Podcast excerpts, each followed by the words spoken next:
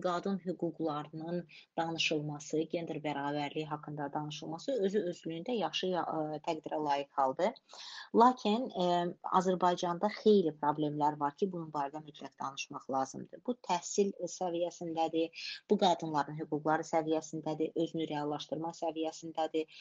Ə, ümumiyyətlə BMT-nin SİDO komitəsinin ə, Azərbaycanla bağlı 74 tövsiyəsi var ki, bu müxtəlif 17 sahəni əhatə edir və bu sahələri e, əslində qadının həm siyasi, həm iqtisadi, həm sosial, həm mədəni həyatına təsir edir. Və mən hesab edirəm ki, qadınların ən böyük çətinlikləri onların ailələrində, e, ümumiyyətlə Azərbaycan cəmiyyətində gender rolların olduqca sərt formada qoyulmasıdır ki, e, qadın o ev yükündən və məsuliyyətlərindən dolayı başqa özünü e, inkişaf etdirməyə, karyerasını inkişaf etdirməyə, özünü reallaşdırmağa imkanları daha məhduddur. Aparıcı qadın hüquq müdafiəçilərinin iştirakı ilə və təşəbbüsü ilə illər boyu 16 günlük aktivlik kampaniyasının keçirilməsi bu gün öz ə, e, bəhrəsini verir. Belə ki, ən azından bu kampaniya haqqında kifayət qədər məlumatlı insanların sayı çoxdur. E, insanlar ümumiyyətlə bu mövzuda daha məlumatlıdırlar, daha agahdılar. Düzdür, maarifləndirməyə hər zaman ehtiyac var, amma bütövlükdə bu mövzu artıq dillərdədir, dillərə əzbərdir. Bunun yeganə mənfi hissəsi odur ki, çox vaxt bu 16 günlük kampaniya zamanı abartılı formada bütün məlumatlar qoyulur, hətta cədvəlimiz tamamilə dolu olur, müxtəlif təşəbbüslərlə, müsahibələrlə, tədbirlərlə və s. Lakin e, ildə 365 gün var ki, 16-nı çıxsaq 349 gündə də mütləq insanların e, bu mövzuda e, daim danışmağı, hərəkət etməyə, hansısa təşəbbüsləri keçirmək lazımdır ki, bax o zaman onda heç kampaniyaya belə ehtiyac olmayacaq. O zaman əgər qadının e, qadın hüquqları ilə bağlı, ümumiyyətlə zorakılıq növlərinin heç biri ilə bağlı sualı qalmayacaqsa, problemi demirəm, sualı qalmayacaqsa, bax o zaman bu kampaniyanın effektini biz daha yaxşı görə biləcəyik, çünki onda da hədəfli artıq görəcəyik tamamilə.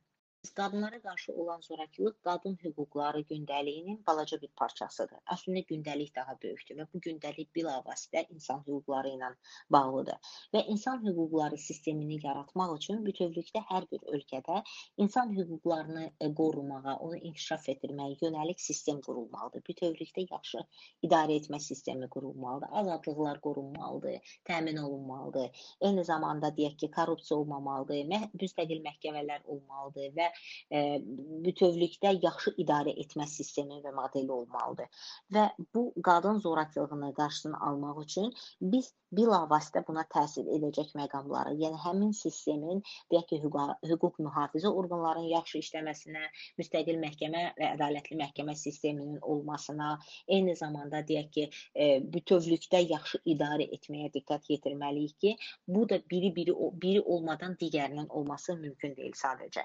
Və bütövlükdə hesab eləyirəm ki, bunun üçün mütləq bütün sektor sektorlar e, səylərini səfərbər eləməlidir. Yəni bu gün Azərbaycanda qadın hüquqları ilə məşğul olan vətəndaş cəmiyyətində bir problem varsa, bütövlükdə artıq bu məsələnin həlli mümkün deyil. Ona görə ki, ən əsas bu məsələyə, bu mövzuya töhfə verən insanların kənarda qalması artıq bu mövzunu illər boyu e, bizim gündəlikdə saxlayacaq. İstanbul Konvensiyası olduqca ciddi bir sənəddir, ciddi bir öhdəlikdir.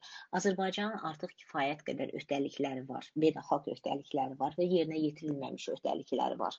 İstanbul Konvensiyası daha bir öhdəlik paketidir ki, burada həm qanunvericilik, həm infrastruktur, həm deyək ki, tərəflərlə iş e, səviyyəsində çox şaxəli e, və uzun müddətli işlər görülməlidir.